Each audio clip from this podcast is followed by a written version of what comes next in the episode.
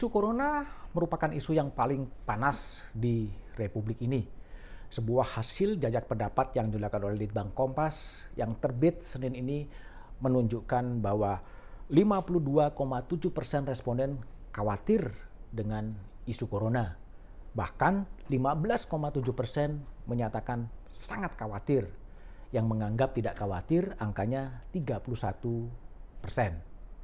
Akhir pekan lalu, seorang purnawirawan jenderal, seorang pensiunan jenderal mengirimkan pesan WhatsApp kepada saya. Dalam pesan itu, sang jenderal mengirimkan tautan sebuah portal berita. Isinya adalah mengutip seorang petinggi negeri yang mengatakan bahwa bangsa ini akan membuat sertifikat bebas corona. Sang jenderal ketawa ketika mengirimkan pesan itu kepada saya. Dia mengatakan, Baulah, jangan aneh-aneh. Corona itu tidak khawatir dengan sertifikat. Jangan bikin pikiran-pikiran nyeleneh, tapi ikuti saja standar dari WHO. Itu adalah pesan seorang jenderal purnawirawan yang dikirimkan kepada saya. Bangsa ini memang tergagap-gagap ketika corona datang. Mungkin bangsa ini sebenarnya tidak ingin corona itu datang sehingga dalam percakapan-percakapan mengatakan ketika corona belum masuk ke Indonesia, ada ungkapan ini berkat doa. ya Berkat doa, corona takut masuk ke Indonesia.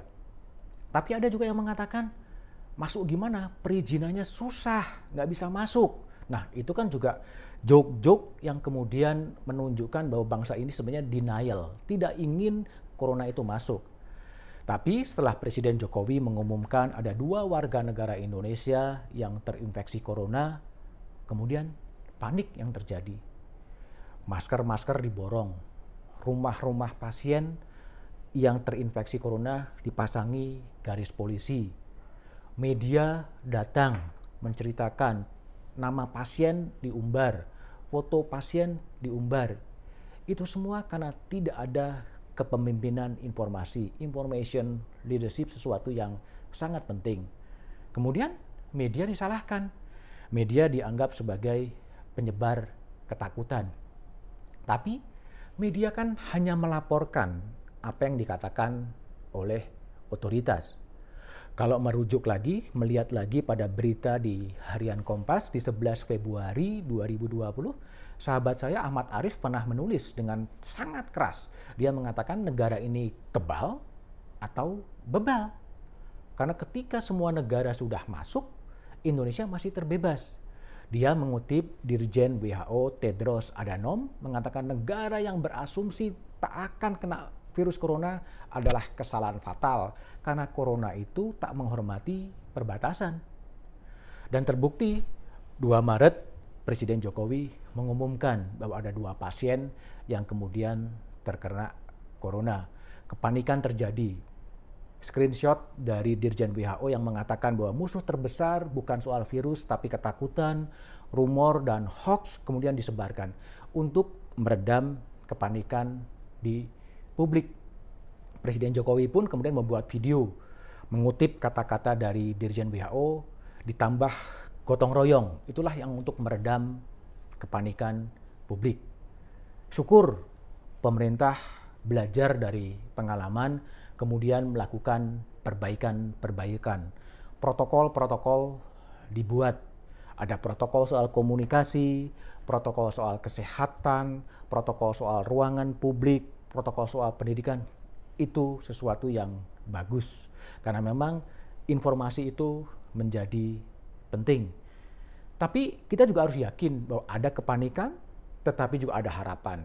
Banyak pasien-pasien orang yang terkena corona bisa sembuh loh, bisa sembuh. Itu yang harus dilihat. Bahkan tingkat kematiannya lebih kecil daripada TBC, bahkan sekarang ada demam berdarah. Sehingga harus ada harapan bahwa corona itu bisa disembuhkan. Kembali lagi kepada sejarah bangsa ini, sejarah pemerintahan bangsa ini. Bukan sekarang bangsa ini terkena wabah Tahun 2006 ada wabah flu burung. Presiden SBY pada waktu itu membuat Perpres nomor 7 2006. Dia menugaskan Menko Kesra untuk mengendalikan dan mengambil langkah-langkah untuk mengatasi flu burung pada waktu itu. Informasinya, perintahnya tegas, ada yang bertanggung jawab. Presiden Jokowi buka diam aja, bukan diam saja. Tapi Presiden Jokowi juga sudah membuat instruksi Presiden nomor 4 tahun 2019. Ada 23 perintah yang ditujukan oleh kepada Presiden Jokowi kepada para menteri-menterinya. Para menteri, kepala badan, gubernur, semuanya diberikan perintah. Ya, tapi masalahnya dalam Inpres nomor 4 2019 ini seakan-akan tidak ada komandan, semuanya diberikan perintah, Menko Polhukam harus ngapain, Menko PMK harus ngapain, Menlu harus ngapain, tapi masalahnya adalah siapa yang mengkoordinasikan perintah mengkoordinasikan perintah-perintah presiden itu? Mungkin itu satu masalahnya.